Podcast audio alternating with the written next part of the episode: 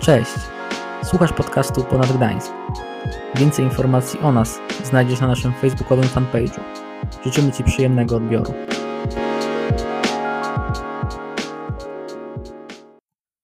Dzień dobry wszystkim. E, witam Was bardzo, bardzo gorąco. E, pytanko na wstęp. Kto, komu już się udzieliła wiosna w tym roku? Ręka do góry. Komu się już wiosna udzieliła? Mi się już też troszkę udzieliła. Wprawdzie wczoraj troszkę padał śnieg, dzisiaj rano chyba też, ale niestety no, sanki, sanki, e, muszą, e, san, sanki muszą poczekać na następny sezon. E, tak jak jako kibic Lechi jestem do tego przyzwyczajony, żeby po każdym sezonie mówić może za rok, więc może za rok sanki się przydadzą jeszcze. Słuchajcie, dzisiaj mamy, pomimo że marzec zabrał nam śnieg, ale dał nam coś znacznie, znacznie lepszego. Dał nam nową miniserię, która nazywa się Kontrast. Jak zresztą już zdążyliście wszyscy przeczytać. E, kontrast. I czym ten kontrast w ogóle jest? Ktoś, kto się zna na fotografii, to szczególnie dziewczyny, e, pewnie wiedzą doskonale, że kontrast e, jest to wyolbrzymienie, uwypuklenie różnicy kolorów, czyli takich sprzecznych dwóch barw, na przykład czarnej, białej albo czerwonej, zielonej, przeciwieństw. Przeciwieństwa, e, na które, na, na które nałożymy kontrast, widać jeszcze bardziej, jeszcze bardziej różnice między nimi można zaobserwować. I my też w tej serii zajmiemy się dwoma kolorami. Czarnym i białym. Klasycznie. Dzisiaj porozmawiamy sobie trochę o czerni. E, I na początek, z czym kojarzy Wam się czerni? Z brudem, z pustką, z ciemnością. Mmm, mmm. Negatywnie się ogólnie kojarzy czerń. To ja może... O, czerń wyszczupla. A co robi biel? Pogrubia. Ja słyszałem inną definicję, że czerń wyszczupla, a biel pokazuje, jak jest naprawdę. Ale to, ja, to nie są moje słowa. To nie są moje, to nie są moje słowa. Eee, Czerń jest najciemniejszą z barw. Wow, Piotrek, skąd ty to wiedziałeś? Yy, powiem więcej. W teorii, kiedy podświetlimy czarny przedmiot, to jako jedyny nie odbije światła, a go pochłonie, je pochłonie. Więc czerń jest jedynym kolorem, który pochłania światło, a go nie odbija. I za, co za tym idzie? Wszelkie ciepło, które wydziela promieniowanie, również czerń pochłania. Dlatego na wakacje nie zabieramy czarnych koszulek, tylko raczej jasne, żeby przypadkiem się nie zagotować. W kulturach na świecie czerń ma różne znaczenia, często bardzo odległe. Przeczytam wam kilka przykładów. W kulturze chińskiej czerń jest kolorem szczęścia i małych chłopców. W kulturze starożytnego Egiptu oraz Indian czerń, czerń była kolorem życia. W kulturze amerykańskiej i europejskiej czerń ma wiele znaczeń. Kojarzona jest zazwyczaj z elegancją, luksusem, ale też śmiercią, tak jak zresztą tak słusznie zauważyliście. W teologii chrześcijańskiej czerń łączona jest z brakiem wiary i z grzechem. I pozwólcie, że na tym czwartym punkcie skupię się dzisiaj najbardziej. Czym jest grzech? Jako grzesznik mam pełne e, kwalifikacje, by mówić o tym, czym jest grzech, bo sam go popełniam. Okay? E, grzech jest czymś, o czym myśleli od setek lat najbardziej tęgie umysły grzeszników na świecie. Jest czymś, co zostało, e, zostało zamknięte w jednej definicji. Grzech to wszelkie działanie, myśl i uczucie niezgodne z wolą Boga. Działanie, myśl i uczucie niezgodne z wolą Boga. Przykład. Wiem, że Bóg e, nie chce naszej krzywdy. Wiem, że nie uderzyłby nas. Więc jeśli podejdę do kogoś i cię uderzę w nos, to popełniłem błąd, popełniłem grzech. Złamałem Boże prawo i prawdopodobnie złamałem też ci nos. Pójdźmy dalej. Pójdźmy dalej, słuchajcie.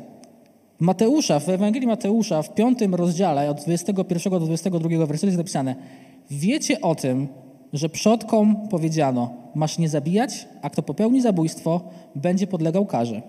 Ja wam natomiast mówię, każdy, kto żywi gniew względem swojego brata, będzie podlegał karze.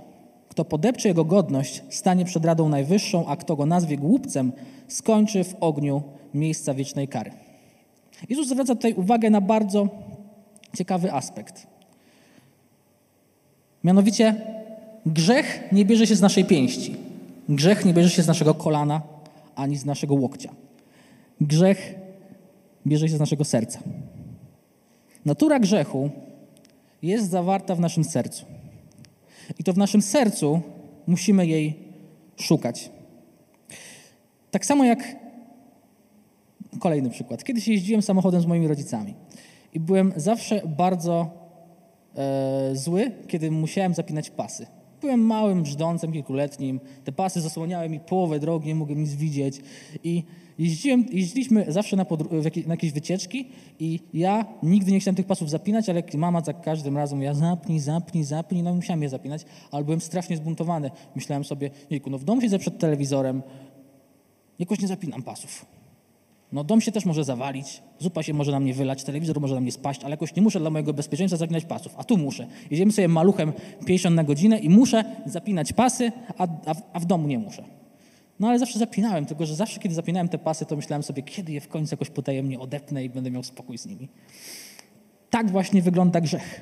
Tak właśnie wygląda natura grzechu, natura buntu. Pomimo, że nie robimy nic złego czasami, ale jednak nasza głowa w naszej głowie kłębią się różne, różne myśli i w naszej głowie, pomimo tego, że nie uderzymy kogoś, nie uderzysz kogoś, okej, okay, brawo ty, ale to nie znaczy, że dalej go nie, nie nienawidzisz, że dalej nie dla niego źle. Więc grzech to wszelkie działanie przeciwko woli Boga, myśli i uczucia. I słuchajcie, kolejna rzecz, no bo skoro wybieramy grzech w naszym życiu, skoro wybieramy kolor czarny, tak jak to uzgodniliśmy wspólnie, no to do czego to doprowadzi? Bo skoro wybieramy grzech, to musimy też wybrać jego konsekwencje, musimy się z nimi liczyć. I jest pewna historia w Biblii. I ta historia, słuchajcie, znajduje się w Księdze Sędziów i dotyczy pewnego człowieka, który nazywa się Samson. Samson był wielkim przywódcą i sędzią Izraelu. Miał dla swojego, dla swojego życia bardzo konkretny plan od Boga. Miał wyzwolić Izraelitów z rąk Filistynów.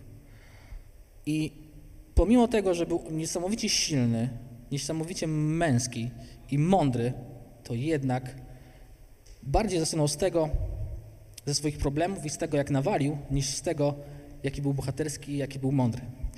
Przeczytajmy sobie w Księdze Sędziów fragment od 16 e, rozdziału, od 4, od 4 do 21 wersetu.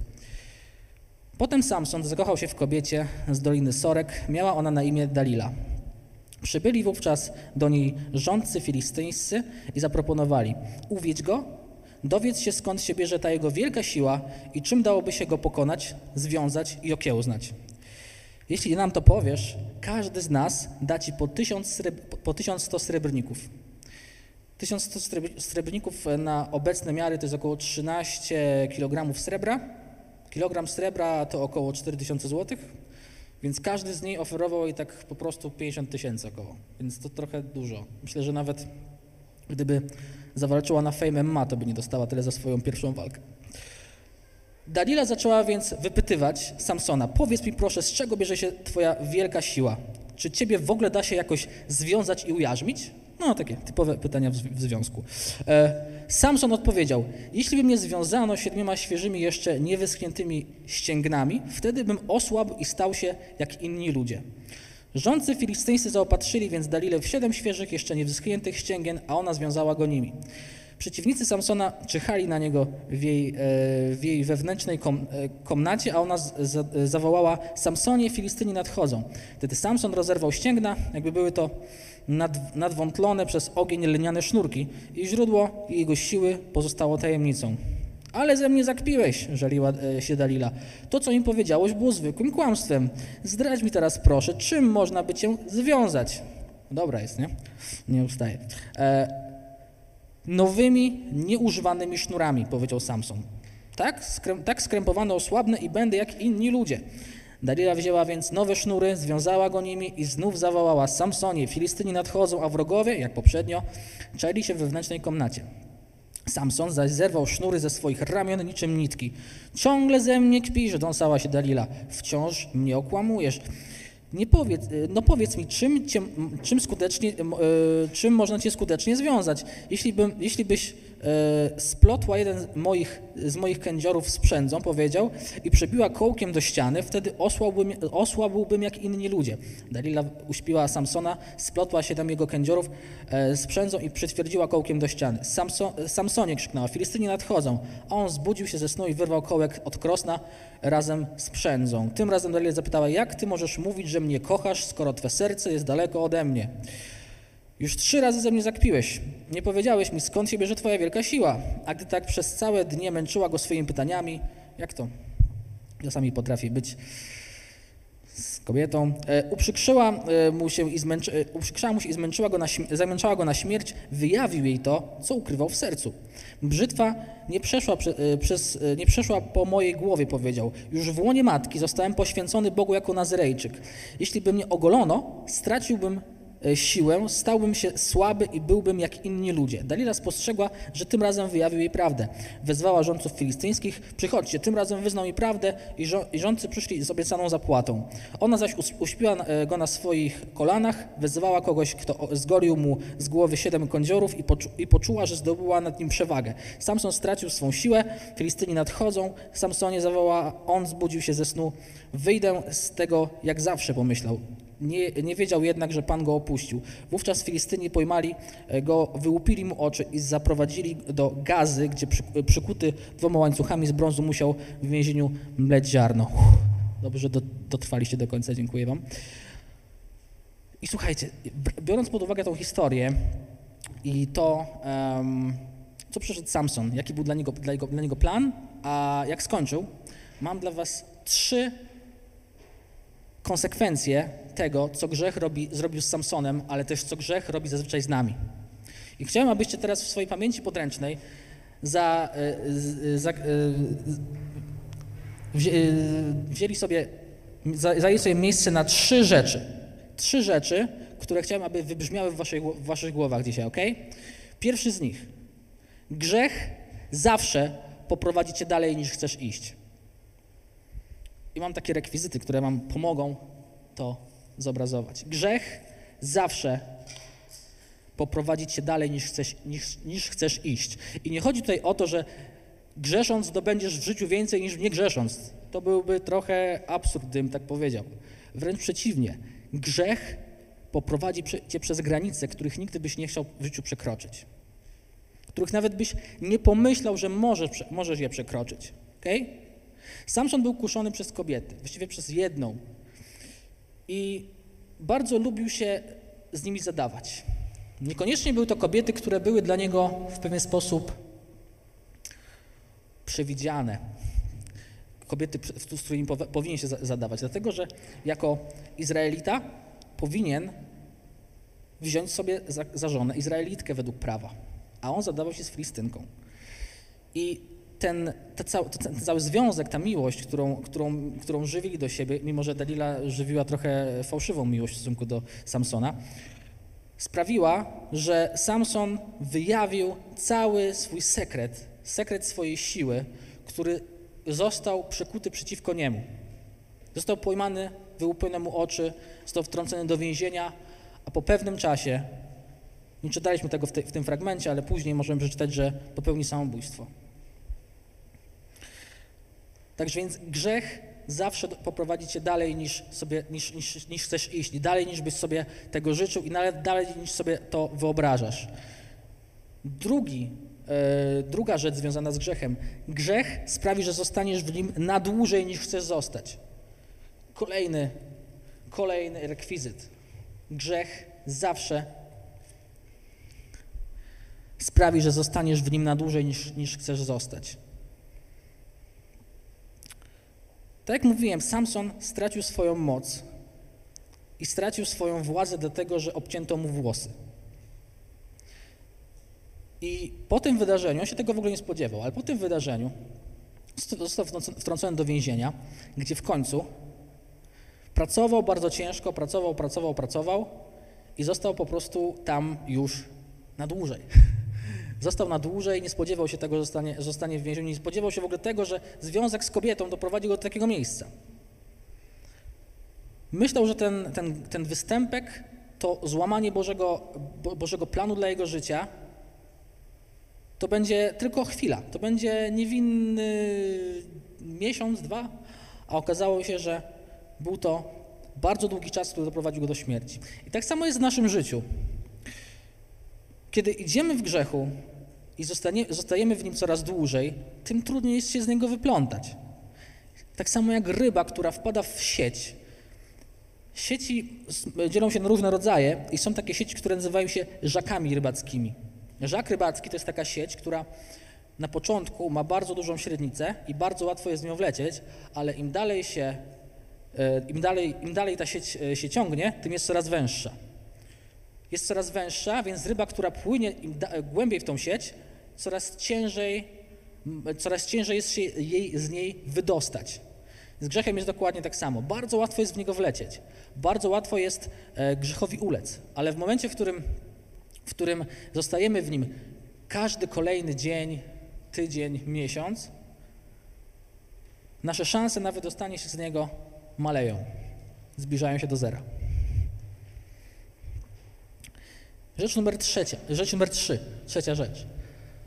Można, można powiedzieć, okej, no ale czasami grzech doprowadzi mnie dalej niż chcę iść, sprawi, że zostanę na dłużej niż chciałem zostać, ale no niekoniecznie doprowadzi mnie do złych rzeczy, może doprowadzi mnie do dobrych rzeczy, może możemy być sceptyczni. Więc trzecia rzecz, grzech zawsze będzie cię kosztował więcej niż jesteś w stanie zapłacić. Grzech zawsze będzie kosztował cię więcej niż jesteś w stanie zapłacić. Bóg miał plan dla Samsona. On miał wyprowadzić Izraelitów z niewoli filistyńskiej. Ale swoim grzechem doprowadził do tego, że zginął. Swoim grzechem doprowadził do tego, że w końcu musiał popełnić samobójstwo, bo nic nie widział, nie miał, nie, jego życie nie miało sensu. Wiedział, że już nic w swoim, w swoim życiu nie zdziała. Co by stało się z Samsonem, gdyby ten nie był więźniem grzechu? Co by stało się, gdyby skupił się tylko na tym, co Bóg mu powiedział, co Bóg mu obiecał? Nie dowiemy się tego. Tego się nie dowiemy już nigdy. Dlatego, że grzech zabrał Samsona dalej niż chciał, zatrzymał go na dłużej niż chciał i kazał mu zapłacić więcej niż chciał. Grzech robi to samo tobie i mnie. Każdego dnia. Więc co zrobić, by temu grzechowi się nie dać? Jak już zapisaliście sobie w głowie, w tej pamięci podręcznej te trzy rzeczy, które, o których powiedziałem, rzeczy, e, do czego doprowadza nas grzech, to teraz proszę zróbcie taką grubą linię i pod tymi rzeczami napiszcie teraz sobie, zapiszcie sobie teraz rzeczy, które warto wprowadzić w życie, aby nie dać się grze- się grzechowi. Okay? Będą to kolejne trzy rzeczy, kolejne trzy punkty. Bardzo praktyczne. Pierwsza z nich. Zadbaj o swoją głowę. Zadbaj o swoją głowę. Jeśli myślisz sobie, ok, Bóg powołał Samsona do wielkich rzeczy, do tego, że był liderem, e, przywódcą wielkiej grupy ludzi, ale kim ja jestem, żebym miał też stosować się do tego, co mówisz, Piotrek? Bo ja nawet nie wiem, jaki jest plan dla mojego życia, nawet nie wiem, jakie jest powołanie dla mojego życia. Jeśli zadałeś sobie to pytanie teraz, bardzo bystre z twojej strony. Możesz sobie do, dorzucić plus 10 punktów do Expo. Ale moja odpowiedź brzmi, jesteś powołany do tego, aby przestać myśleć negatywnie.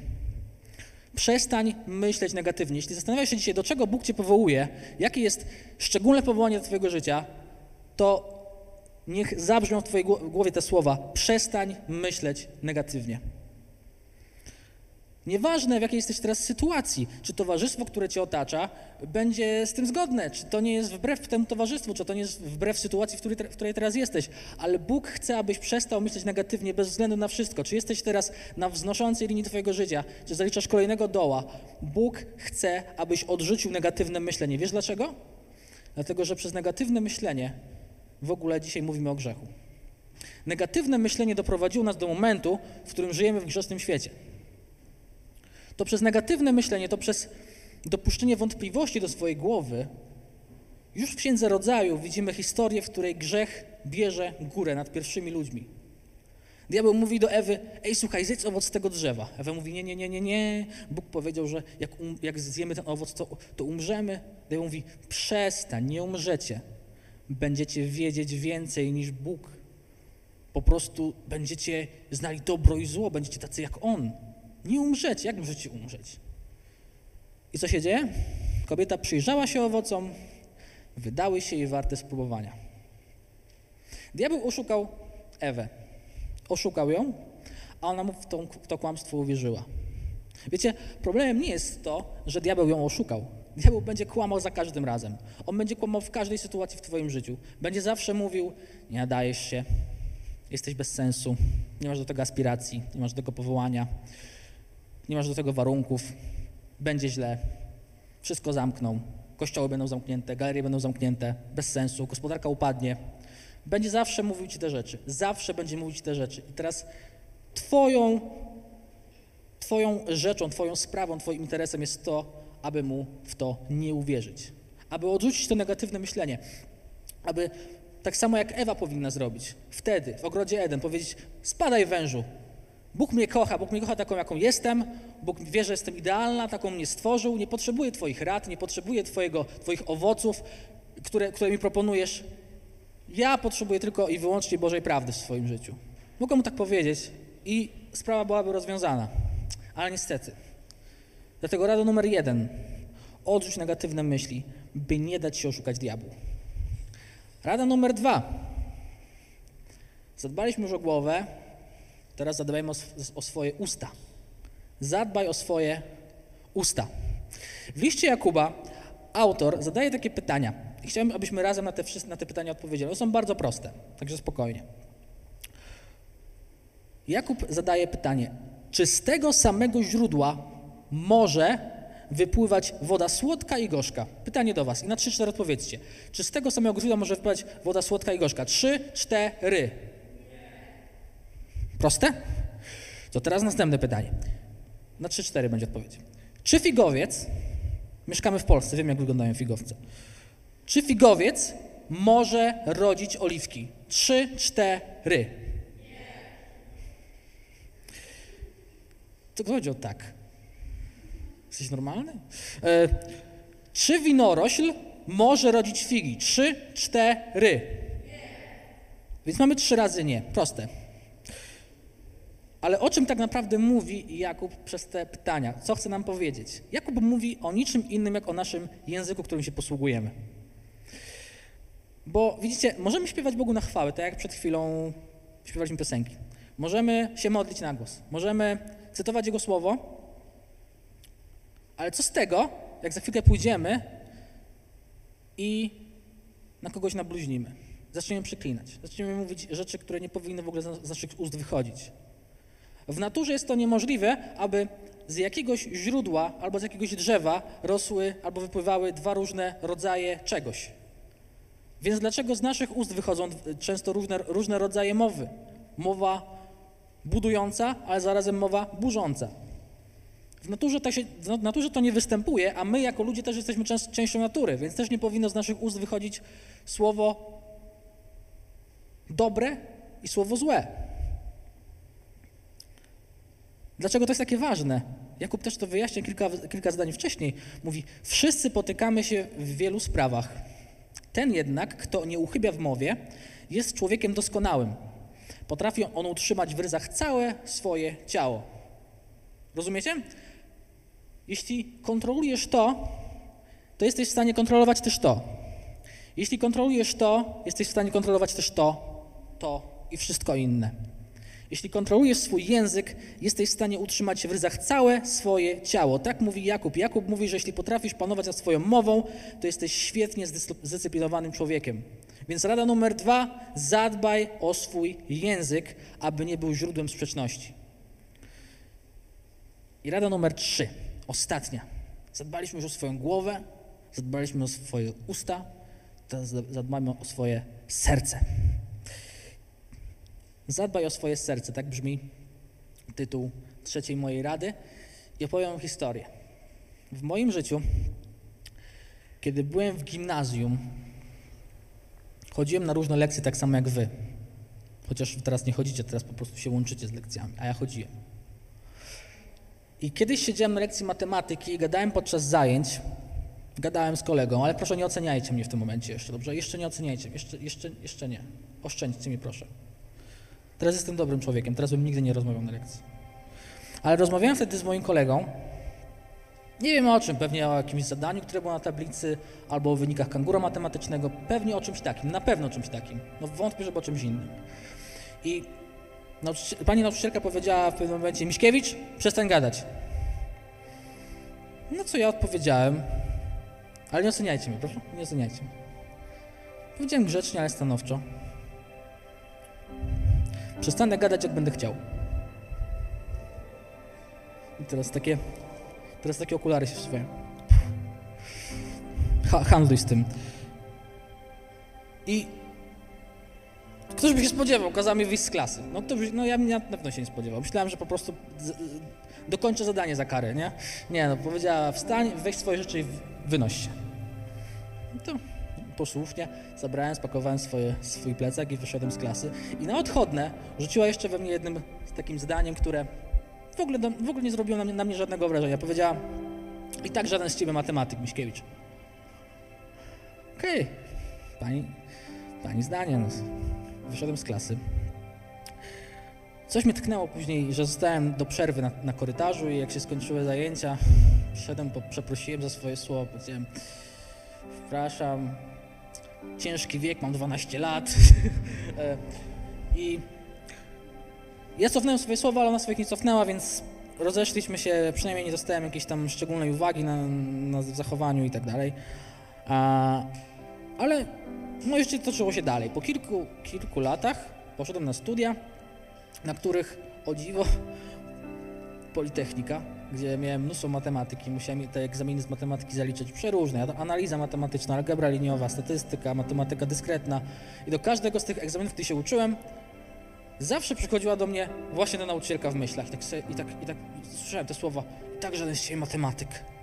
I tak strasznie mnie to, mnie to burzyło, bo wiedziałem, że z siebie wszystko, a te słowa sprawiały, że tak, tak do ziemi byłem przy, przygniatany tymi słowami. I, e, I to wszystko sprawiło to, że ja przyjąłem te słowa do mojego życia. Ja uwierzyłem w to, co ona mi powiedziała, pomimo, że pewnie powiedziała to, to, to w totalnych nerwach, ale ja to przyjąłem i to mnie paraliżowało przez długi okres mojego życia.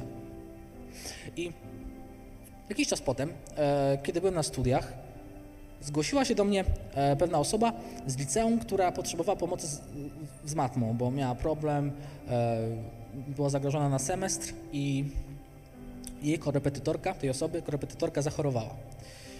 I czy mógłbym pomóc tam jakiejś tam dziale i, i, i porobić zadanka, żeby zdała, jak zdała sprawdzian, bo jak tego sprawdzianu nie zda, to, to już na pewno nie zda, nie zda tego, tego semestru. Okej. Powiedziałem spoko. Spotkaliśmy się, rzeczywiście nic nie kumała, nic nie rozumiała.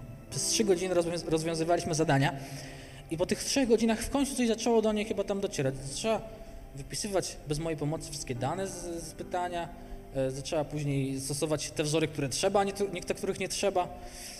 No i to był jakiś tam przełom. I pamiętam, że po jakimś czasie, kiedy już miała te sprawdziany, zdała je i napisała mi taką wiadomość, że przez trzy godziny nauczyłem ją więcej niż tam ta pani nauczyła ją w kilka miesięcy. Bardzo miłe słowa, bardzo miłe, bardzo miła informacja. Ale do czego zmierzam?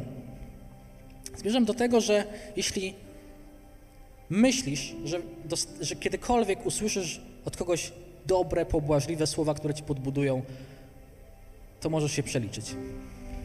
To może nigdy nie nastąpić. Jeśli chcesz czekać, aż ludzie powiedzą ci coś dobrego, to, to lepiej nie czekaj.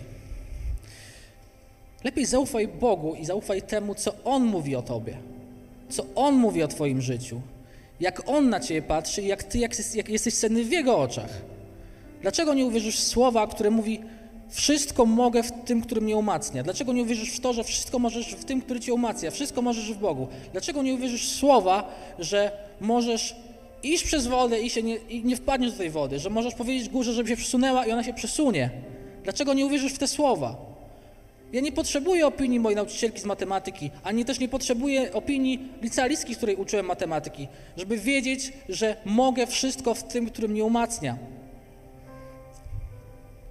A tak więc, jeśli żaden grzech nie zdobędzie mojej głowy. Żaden grzech nie zdobędzie mojego serca, dlatego że to serce i ta głowa i te usta są zdobyte już przez Jezusa. Amen? Przed nami czas modlitwy. Przed nami czas modlitwy i nie chcę, żeby to była zwykła modlitwa. Nie chcę, żeby to była po prostu modlitwa. Chcę, żeby to była aż modlitwa. Jeśli czujesz, że w Twoim życiu grzech działa w ten sposób, że całkowicie Cię pożera, albo że wysysa z Ciebie resztki chęci, resztki godności, resztki normalnego życia, normalnego myślenia na siebie, zakrzywia w ogóle obraz tego, jakim, jaki, jakim siebie widzisz, to chcę, abyś modlił się razem ze mną dzisiaj. Chcę, abyś, abyś zaufał Bogu w to, że On ma dla Ciebie plan. Tym planem jest przede wszystkim to, żebyś nie myślał sobie negatywnie i nie myślał negatywnie na temat wszystkiego, co Cię otacza. Ale to są też inne plany, inne obietnice, które ma dla Ciebie. Że Bóg pozwala Ci robić rzeczy niesamowite, ponadnaturalne, w Jego imieniu. On nie będzie Cię osądzał, On nie będzie Cię krytykował. Nawet jeśli zrobisz coś źle, to On Cię nie zbluzga. On będzie zawsze Ciebie kochał i zawsze będzie uważał, że jesteś najcenniejszym skarbem, jaki stworzył. Okej? Okay? Poświęć mu, poświęć mu swoją drogę. Poświęć mu swój czas. Drogę, czas. Ceny nie musisz poświęcać. On cenę już zapłacił za ciebie. Wystarczy tylko droga i czas. Jemu tylko to wystarczy. Jest lepszy od grzechu. Dlatego jeśli kiedykolwiek w swoim życiu oddałeś już swoje życie Jezusowi, zaufałeś Mu na tyle, aby pójść za Nim, módl się razem ze mną. Jeśli tego nie zrobiłeś, zrób to teraz, choć po raz pierwszy, przełam się. Zaufaj Mu w kilku prostych słowach. Pomódl się razem ze mną, ok? Pochyl swoją głowę. Zamknij oczy. I powtarzaj: Panie Boże, wiem, że jestem grzesznikiem i nie jestem w stanie nic z tym zrobić. Ale Ty kochasz mnie takiego, jakim jestem. Proszę, weź we władanie moje usta, weź we władanie moją głowę i weź we władanie moje serce. Chcę należeć do Ciebie od dziś. Ufam Tobie z całego mojego serca i kocham Cię. Amen. Gratuluję, jeśli to zrobiłeś, jeśli powtórzyłeś te słowa, to gratuluję Ci i myślę, że powinniśmy zaklaskać teraz dla osób, które właśnie tą modlitwą się pomodliły. Amen? To jest czas przełomu, to jest czas zmiany w Twoim życiu. Jeśli zrobiłeś to po raz pierwszy, drugi, piąty czy setny, to jest czas przełomu w Twoim życiu. To jest, to jest czas, po którym już nic nie będzie tak jak przed chwilą. ok? To jest czas, w którym powierzyłeś wszystko, co masz, temu, któremu powinieneś powierzyć. To jest czas, w którym Twoja cena została zapłacona. To jest czas, w którym droga i czas należy tylko do Boga, a nie do grzechu, ok? To jest czas, żeby zdjąć te czarne barwy z siebie i założyć białe barwy. Amen? To jest czas, to jest czas Twój, czas Boga. I proszę, kontynuujmy to, kontynuujmy ten świetny czas uwielbienia. Niech teraz z Waszych ust wypłynie woda słodka, a nie gorzka, ok? Amen. Dziękujemy, że byłeś z nami. Zapraszamy do odsłuchania naszych kolejnych podcastów. Do zobaczenia.